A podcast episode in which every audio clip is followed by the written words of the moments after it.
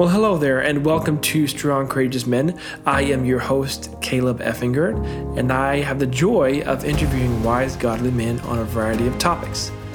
These conversations are intended to encourage us to be strong, courageous men, humbly living for the glory of Christ as we run this race toward heaven.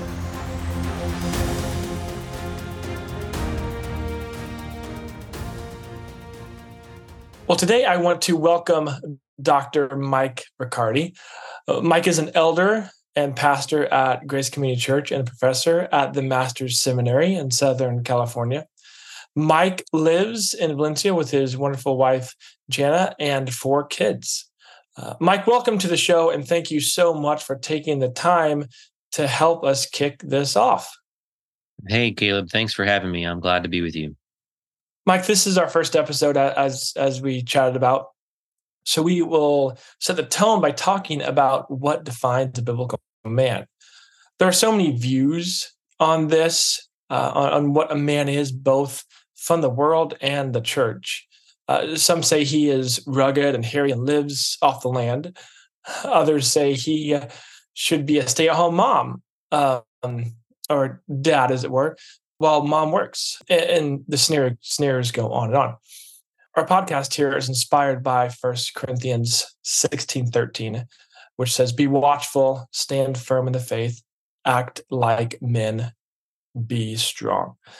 Uh, so, Mike, I'm going to put you on the spot here. Could you could you give us a mini exposition of uh, this verse uh, before we kind of dive into some other questions? Sure. Yeah. Well, I mean, Paul is wrapping up his letter to the first to his first canonical letter to the Corinthians in the midst of a, a lot of problems going on in that church, and you see him address those problems, you know, such as disunity, such as uh, misusing spiritual gifts.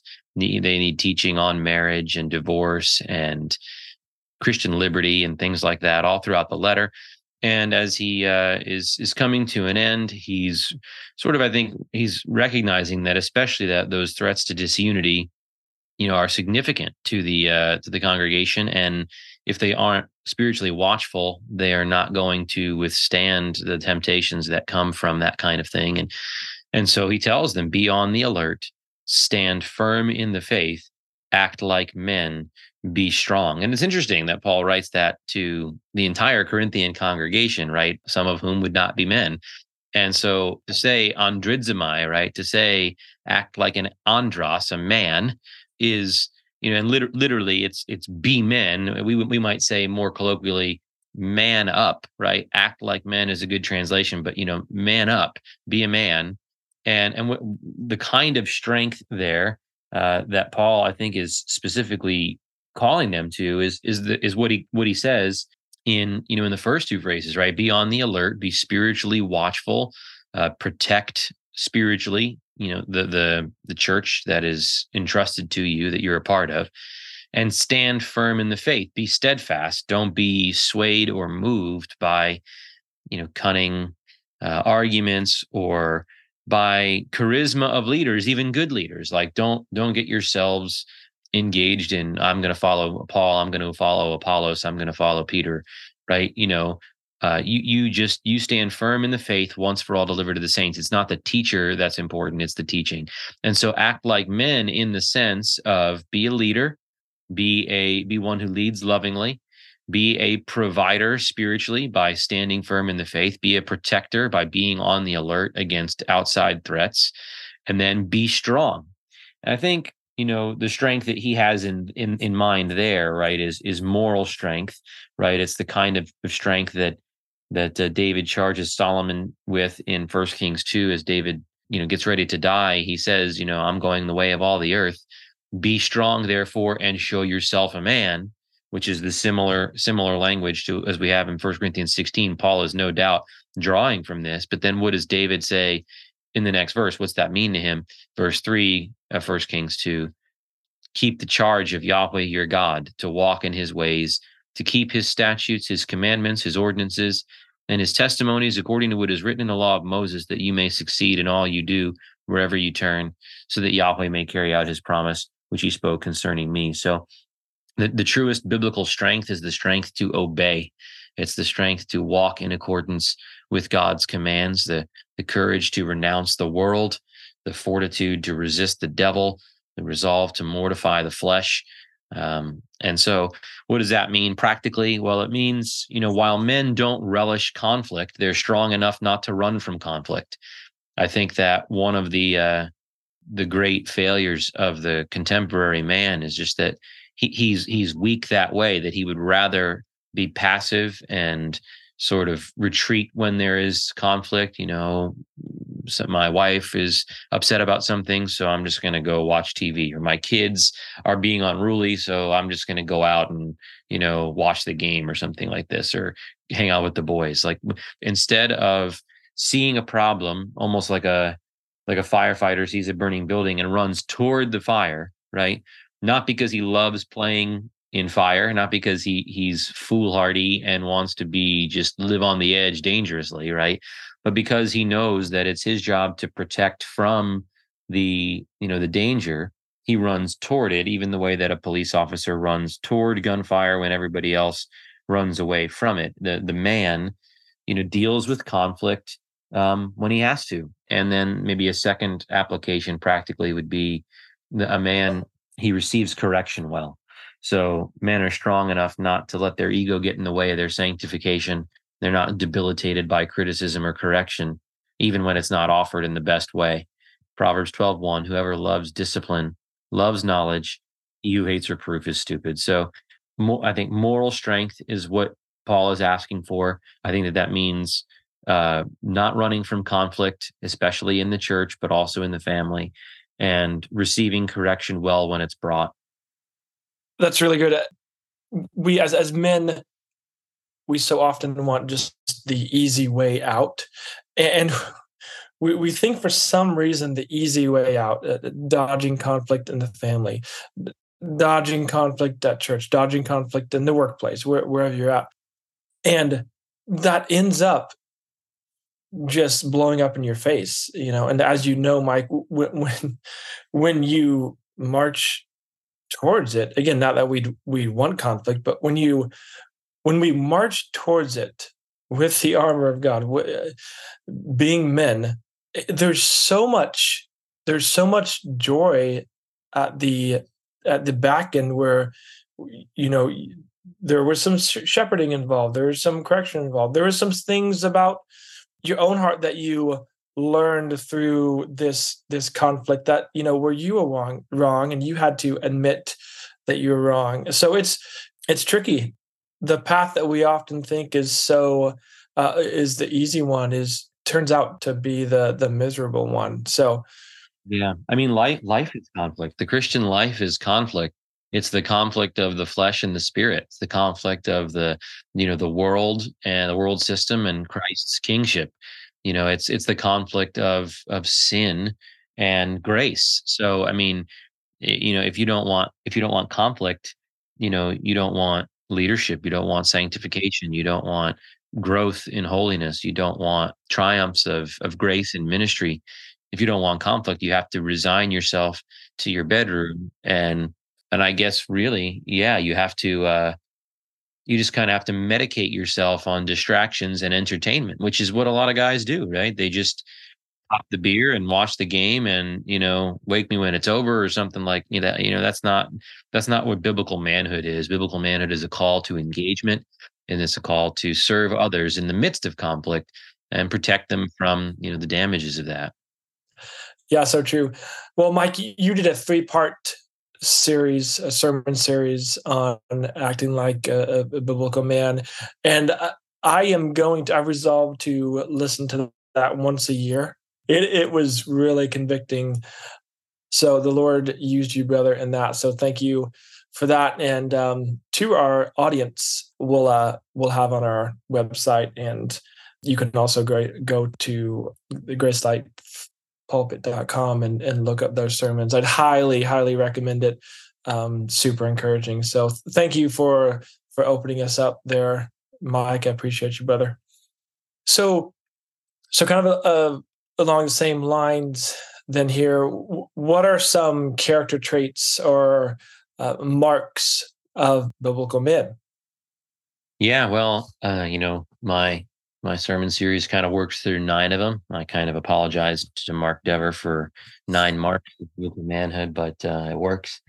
Um, and you know, you could have could have said more, but uh, they were, you know, first a, a man, a biblical man, is a leader, and you see that, you know, from the from the beginning of creation when when Adam is is made first, he's called to to name Eve that he, you know, he's given instruction apart from her and has to present it to her. You know, we see it where she's created to be his helper.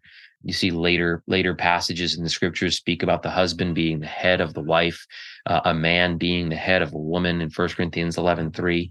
And so the biblical man is, is is first of all a leader. He's a head. He's one who's responsible.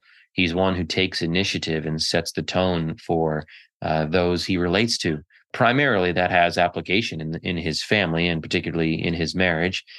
But also, I think in general, there are ways that uh, men interact with everybody, you know, in terms of their relationships, where where there's a degree of of seeking to serve in in loving headship. And so, you know, you can get into the different aspects of that, but um, you know, what that leadership is that headship is to be marked by love, you know, in the in the way that that the husband is the head of the wife. It's, you know, Ephesians 5 says, as Christ is the head of the church.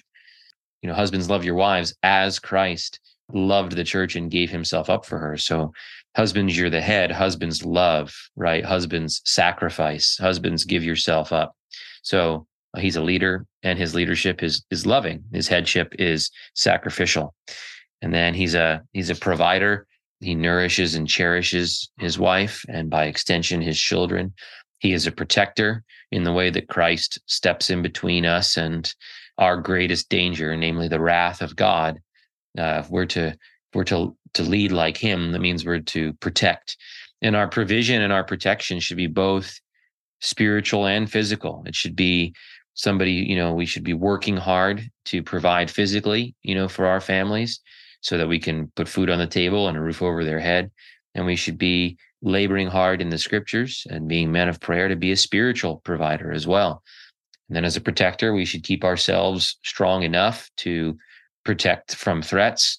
And sp- spiritual protection. We should know enough of the scriptures and, you know, the challenges that come to be able to protect our wives and families from danger, from error, and from the corruption of sin which means you know we take an active role in what's allowed in the house and you know what's not. What shows are we going to watch music are we going to listen to?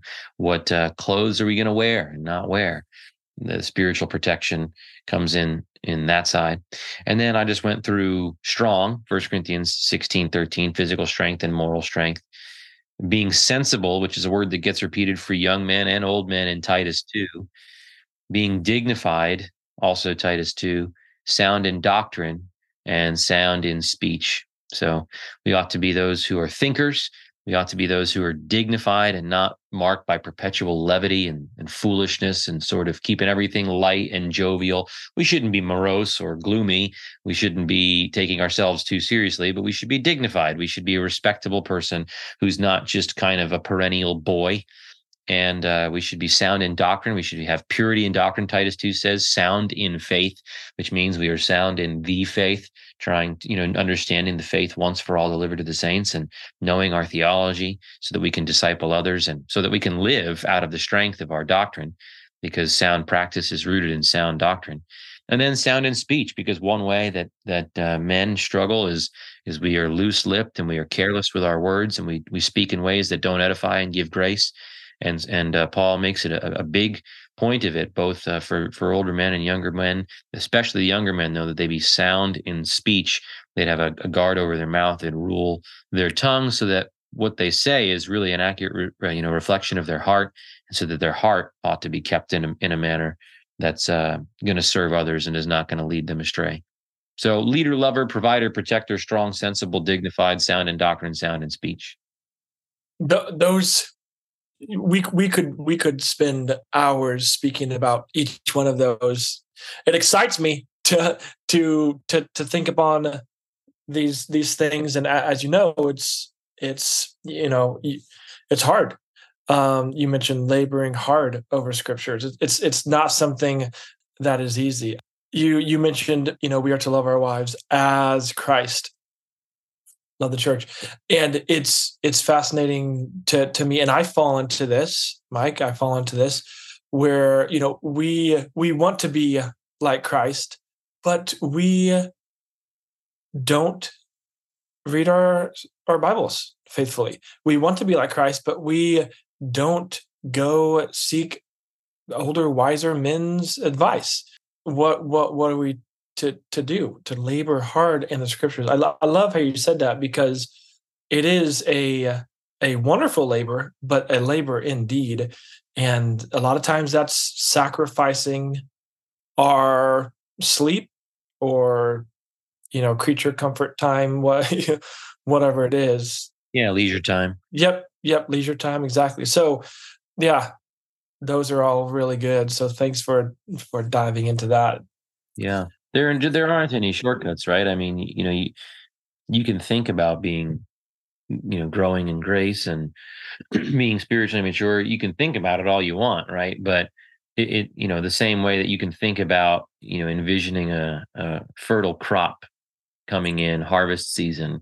But if in sowing season right you're not diligently tilling the ground and exposing uh, and sowing the seed and exposing the seed to the sunlight and watering it and making sure the plant as it sprouts up has the support that it needs even physically sometimes where you see those sticks in the ground or like the tomato plant poles and things like that.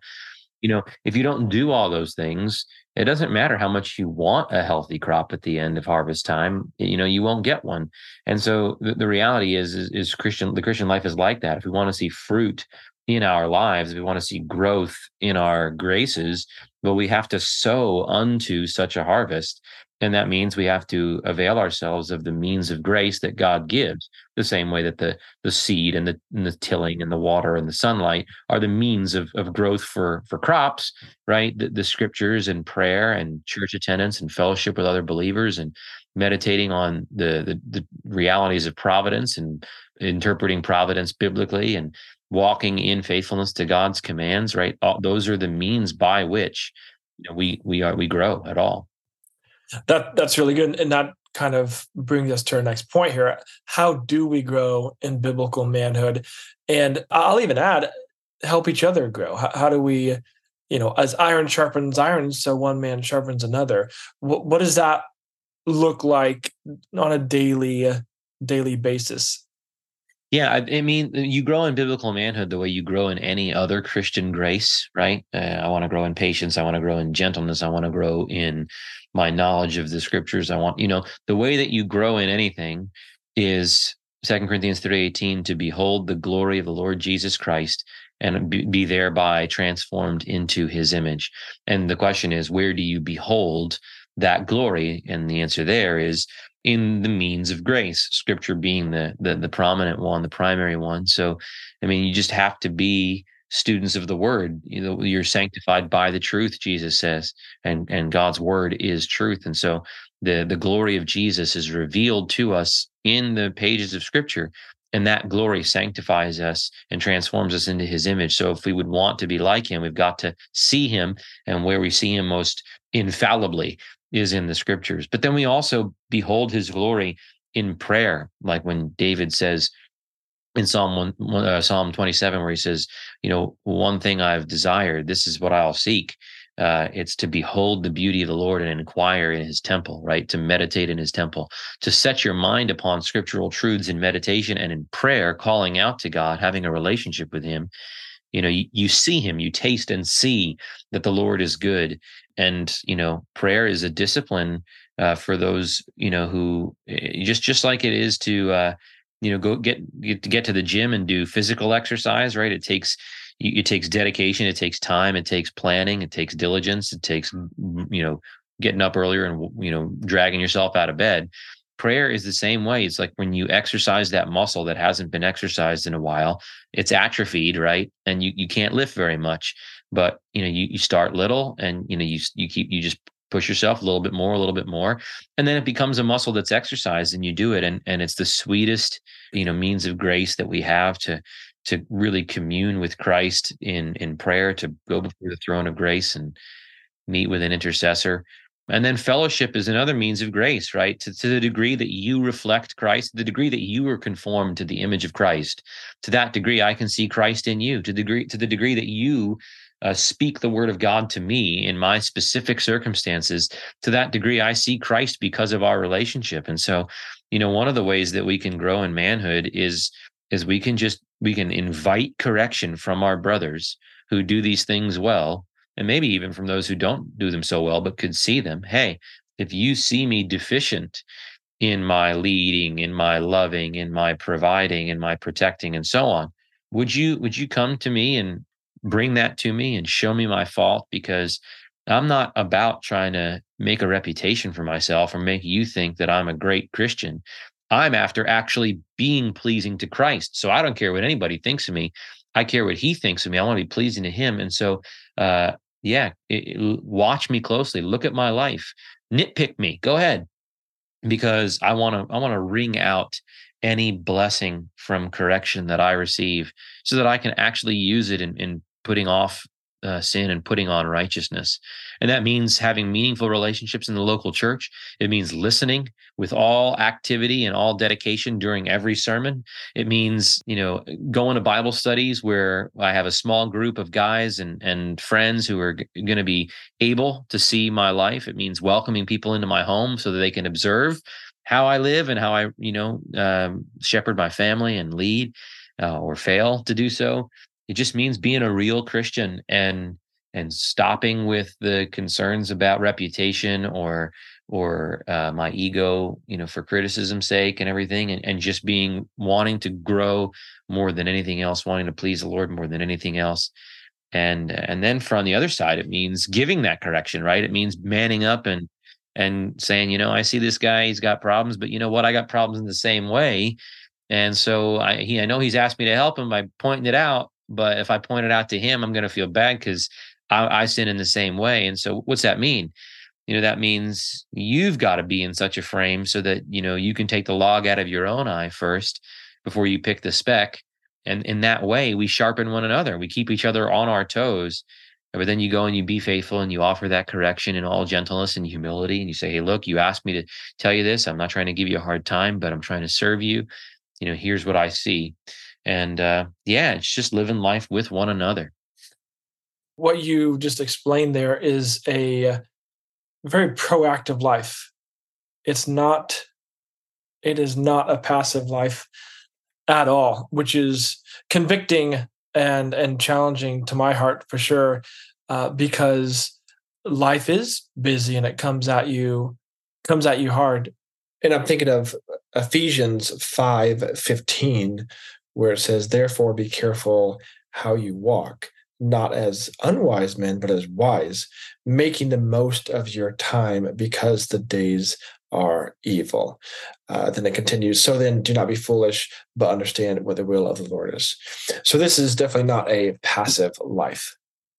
You said students of the word. And if you just left it there, you could probably get into some legalism issues. But you said having a relationship with God and communion with God. And that's so vital. And quite frankly, something that I think our generation does not do well. I think we get in our busy lives, our, you know, Facebook, Instagram, work, church activities, you know, whatever it is. And we we forget to, you know, be still and know that I am God this is really really helpful to to chat through for sure and think about. Yeah i mean the reality is is you can't fake you can't fabricate communion with christ. You can't fabricate a love for christ. You can you can pretend to be a christian. You can go through the motions of being a christian by going to church on sunday and standing when you're supposed to stand and sitting when you're supposed to sit. You know you can you know pray at meals you can do your 10 minute devotions or whatever you do but you know you you can't fake praying and being with Jesus and enjoying communion with him and i just think that there are so many fake christians i think that there are so many immature christians who haven't been taught to to walk with Jesus and that's so ridiculous because that's the life of our faith, uh, the life of our entire Christian life is to know him and to enjoy him. And and that's why I always say that people need to read the Puritans, man, because uh, those those men walked with Christ and they they had a vital communion with him day by day that was the life and marrow of their entire existence. And and it's the best part of life. And so uh, we, we don't have time not to do this you know? I mean it's it's the it's the sweetness of life to to walk with christ and for us you know we often feel so busy and, and all these things and it feels so harried and activities but you know it, it really is the better portion is to sit at the feet of jesus uh, you know as mary did you know and not be harried the way martha was right? Yeah. So all right we're we're growing. Uh let's talk about the importance of critical thinking i think that's something again we've already alluded to it but it's something in our generation that we we often don't take time to think. So let's let's chat let's chat through that one. Yeah i mean the the importance of critical thinking it's it's hard to overestimate it. I mean where that comes from the way that i found it in as i prepared for my uh, sermon series especially was in that term sensible from titus 2 verses 2 and 6 older men are to be temperate dignified sensible and then again in verse 6 likewise urge the young men to be sensible and it means to be of sound mind or to think as to have sound judgment right it, it means that a man is a thinking person. He is a, a reasonable person. He has a sense of himself and what's going on around him. He, he's dialed in. He's not aloof, right? He's not driven along by the wind and the waves of his circumstances, but his discretion allows him to be discerning of what's going on around him and to make principled decisions that may go against the grain. He's not driven by, you know, externals or even by his emotions he's he's guided by sound reason he's somebody who who dials in assesses the situation sees the options weighs the the course to take and and goes you know and and it's so opposite to sort of the the the popular conception of of manhood like the the father in uh you know so many sitcom television shows or comedy things right the, like sort of the ray romano goofball you know, uh, you know, incompetent. I don't know where everything is. Where's my wife? Like, how come, you know, okay, what are we going to do? Happy wife, happy life. Mom ain't happy, ain't nobody happy. So let's just pacify her and, you know, I'll, I'll just try to make it through the day. And and that's not that's not the picture of of manhood. He's to be sensible, sophroneo. He's to be one of sound mind who can appraise what's going on because he's he's got a a, a biblical worldview that allows him to really biblically assess uh, what, what's coming at everybody and and that that means that you're you're in the word right that you're you're letting the word of god dwell in you richly so that it actually transforms your life your mind your thinking your affections so that when something comes up you know you have this this biblical filter this biblical sort of rolodex where you're going yeah okay that's the issue uh, this is the way to confront that issue. This is the way to solve that problem.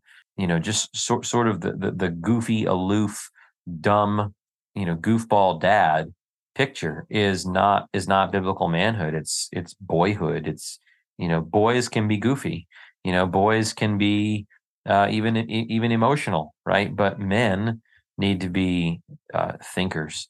And yeah, I mean, if you're going to protect anybody, you know you have to be able to assess danger if you're going to provide for somebody well you've got to figure out what will bring you uh, some sort of you know remuneration what what good or service can i provide that makes me able to earn money and you know if i'm responsible for even you know the the well-being of my house what kind of investments am i making so to plan for our future what kind of uh, you know things am I planning now so that my kids, when they it's time for education, you know, they won't be put at a severe uh, disadvantage if if you have those means. Like you, your job is to just be thinking of of all of these things. If we downsized, you know, maybe we could uh, have more money to do, you know, to give to missions or to support the church. If we upsized, maybe we could have you know, a, a, house that we could provide hospitality in ways that we can't do right now. All these, there's an, an endless number of things to think about. And, and the, the biblical man takes charge and, and initiates those things. And he doesn't just run roughshod over everybody under his charge, right? He's going to engage his wife's opinions and seek advice from her and you know he's going to weigh her counsel. She's his good thing. She's given to him by god to help him. And so a, a good leader is obviously going to be engaging those uh, under him to to see how he can lead them well. And even that is critical thinking. When do i you know when do i uh, sort of adopt what my wife or my children are saying to me like what do i need to hear and change about myself versus you know when do i need to hear correction but then say you know guys i've heard what you've said but uh, frankly i think the best way is still the way that i was proposing and i'm going to need you guys to follow me in it right? That that requires when when am i going to use that capital headship? And frankly it shouldn't be very often. You should be able to lead them you know to your understanding of things or you should be humble enough to receive their feedback and and move in that direction you know? Life is critical thinking. You said a word that that can sometimes be a, a trigger word in my mind. I don't even know what trigger word means but i'm i'm going to use it. Boyhood. Boyhood. And and sadly I, I see some immaturity in youth groups. And so youth leaders before you before you write me off, I just want to maybe uh, encourage you to uh, to think about what Mike is is saying, because who are the next generation? They are in our youth groups right now. Okay, and as you know, as we know, you don't just you know turn 21 turn 22 whatever the magic age is and then oh now i think like a man. Wow this is amazing. Nope that that's not life. It starts uh, i mean it starts at birth in my opinion. Now that doesn't mean you have to just never have fun and never laugh. Like the the greatest men in my life are are some of the funniest men, uh, but they're the most sound thinking men that I I know of. So I'm not saying don't have fun. I'm just saying maybe maybe there's some silliness that could be rooted out, and we could help the next generation of boys become men in their youth, um, so they don't have to wait till they're 40, 50, 60.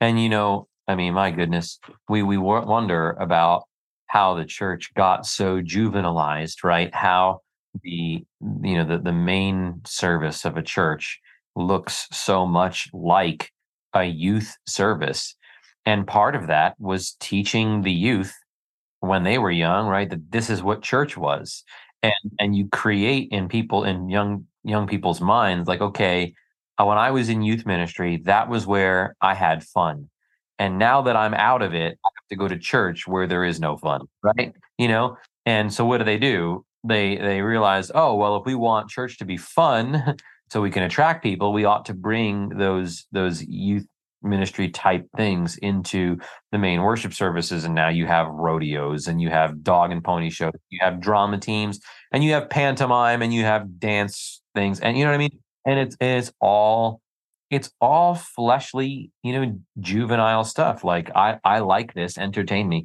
right? So if you if your if your approach with kids is get them to like it by entertaining them, well then you're you're going to cultivate a taste for that that you're like you're saying Caleb doesn't just magically go away when you get a diploma, right? You, you need to be able to have fun. You need to be able to enjoy life. You know, Christianity is not one big morose, gloomy, scowling, you know, let us be prim and proper and dignified. You know, not like not like no. Eh, Christians ought to be the most joyful, happy, in you know, winsome people in the world.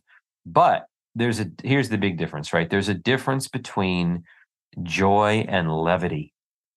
You know, joy happens in a in the midst of grave gladness. One of the best phrases that I've ever read was was Piper's talking about in preaching. He's actually talking about it is you know gravity and gladness but you know it's not just for the preacher to exude that it's for the christian to exude that in his life we should we should be happy grave people, right? We should be serious, not about, we should be serious about things that ought to be taken seriously. We ought not to take ourselves too seriously. We ought not to, you know, sort of like have this vaunted sense of self. Well, how dare you, you know?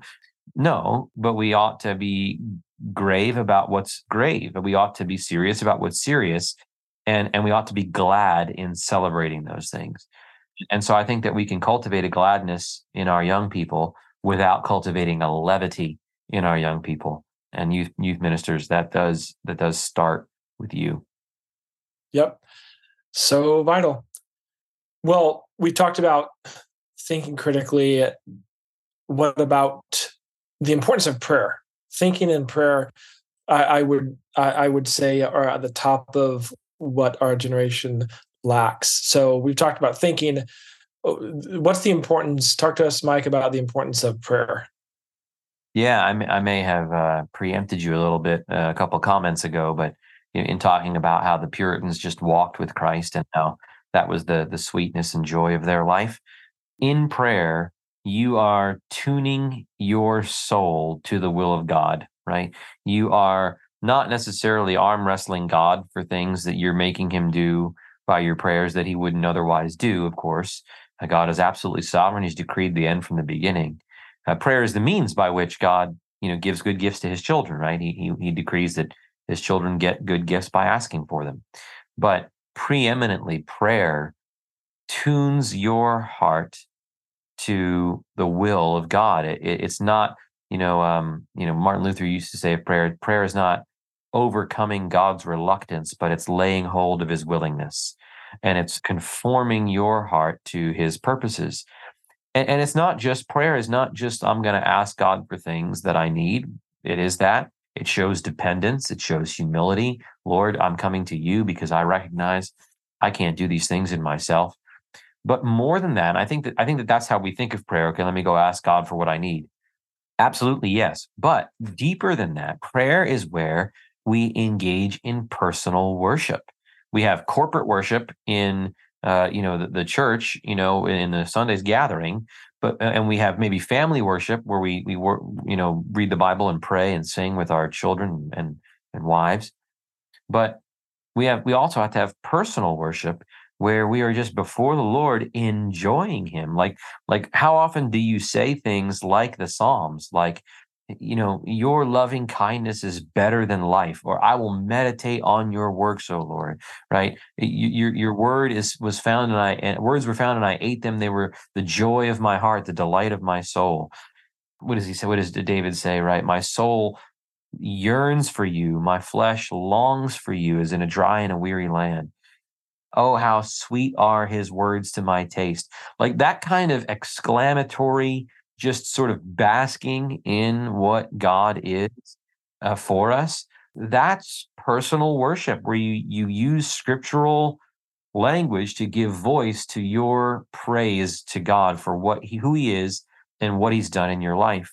And that kind of soul enriching time that makes the difference in spiritual immaturity and spiritual maturity. If you if you're constantly basking in the glories of what who God is and what he's done, you're not going to be able to move from there to the frivolities and the banal distractions of an entertainment driven culture. You're, you're going to have seen too much loveliness, too much compelling beauty in God to then be enthralled by the paltry substitutes of Hollywood and Madison Avenue, right? It's just, it's just that's where life is. And so, men, right? Be followers of Jesus, be earnest prayers, be ones who devote yourselves to personal worship, because that is where the, the marrow and fatness of life is. And it's the fount out of which all of your growth and all of your maturity and all of your service will flow. Yeah. Yeah, it's so good. And and I often uh, go to well, the Psalms. You went to a lot of the Psalms. I'm thinking of Job 38 uh, as another good spot. Then the Lord answered Job out of the whirlwind and said, Who is this that darkens counsel by the words without knowledge? He says, Dress for action like a man, I will question you, and you make it known to me. and and this is where kind of my my my heart goes when when I'm uh, maybe a little distant from the Lord. Where were you when I laid the foundations of the earth? Who determines its measurements? I'm gonna keep kind of going on down. When the morning stars sang together and all the sons of God shouted for joy, or who shut the sea with doors when it burst out forth from the womb? Uh, when I made clouds its garments in thick darkness. What's my point? It doesn't take long to think upon what a mighty God we have. And, if you're if you're not humbled by reading passages like this, then maybe that's a whole nother conversation. But oh my goodness, we have uh, an amazing God who is the Lord of Lords and King of Kings. And I get to talk to him I get to talk to him. My Father who art in heaven, how be the name? Oh my goodness, I get to call him my Father? What on earth? How is this possible? So, what an absolute joy to your point, Mike. How, how, how could we not want to just bask in in God's glory and oh my goodness, what, what a what a an incredible thing we have to be able to go to the Lord and commune with him.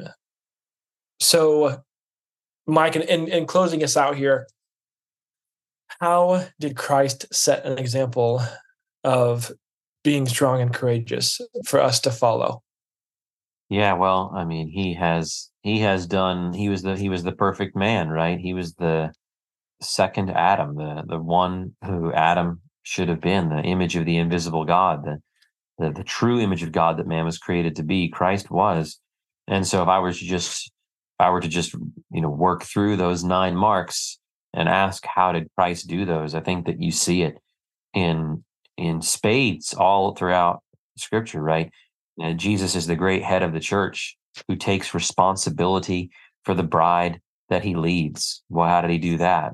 Because he became incarnate to, uh, he took on our nature to himself and then suffered the things that he suffered in order to save us from our sin and save us unto himself.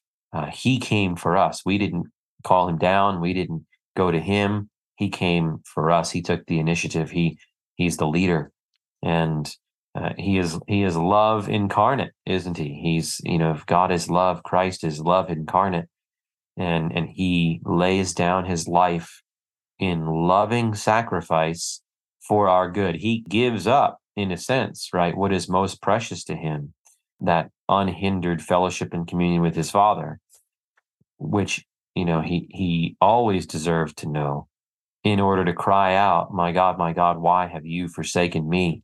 Right? To secure my benefit, he has given up, you know, that that apple of his eye, you know, the Father's smile. Now, of course, there's a mystery there, and, and Christ is not separated from the Father in any way that would rend the Trinity, but there is a real abandonment in, in some sense, which calls him causes him to cry out, Why have you forsaken me? And when love endures those kinds of real challenges and struggles and sufferings in order to secure benefit for the beloved, right? That's what real love is. And he's the great provider who nourishes and cherishes his bride, the church, with the spiritual food that saves and sustains the soul. He's the foremost protector who steps in between us and our judge and bears the punishment that we deserve. And, and once we're in his hand, John 10, nobody can snatch us out. He protects us from the accusations of the evil one. He, prote- he protects us from the, the trials of life. You'll walk through the fire, but I will be with you, right? He is the strongest man to ever live. His his entire life was strength under control. Don't you think? I can send down twelve legions of angels, right? But no, let, let let's go. I've got to I've got to go as it's been decreed, right? He he's he he had the the strength to submit himself to the wickedness of sinful men, to go to the cross as he was commanded. He had the strength to obey the Father's uh, will.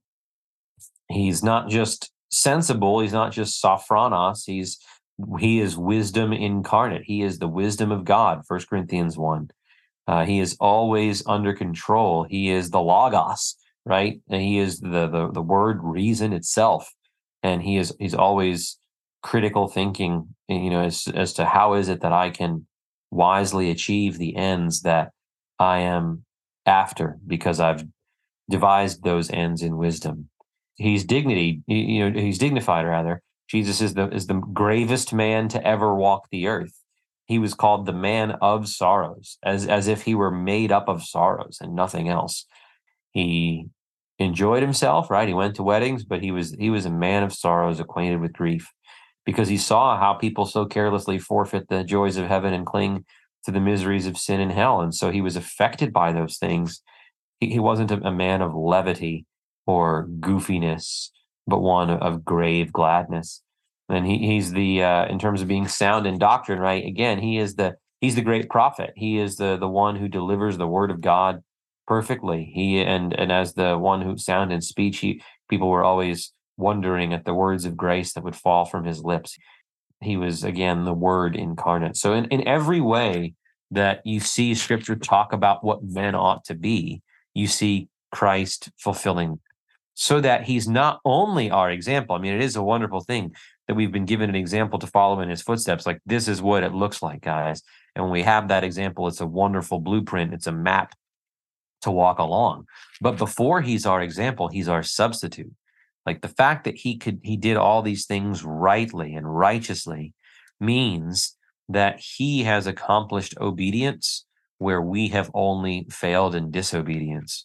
And so before he's our example in sanctification, he is our substitute for justification, so that as we trust in him alone, admitting our failures as men, admitting all the ways that we fail, confessing them out- outright, but turning away from our own performance and trusting in the performance of Jesus, saying, He succeeded where I failed, and I trust that his accomplishments avail with me before God.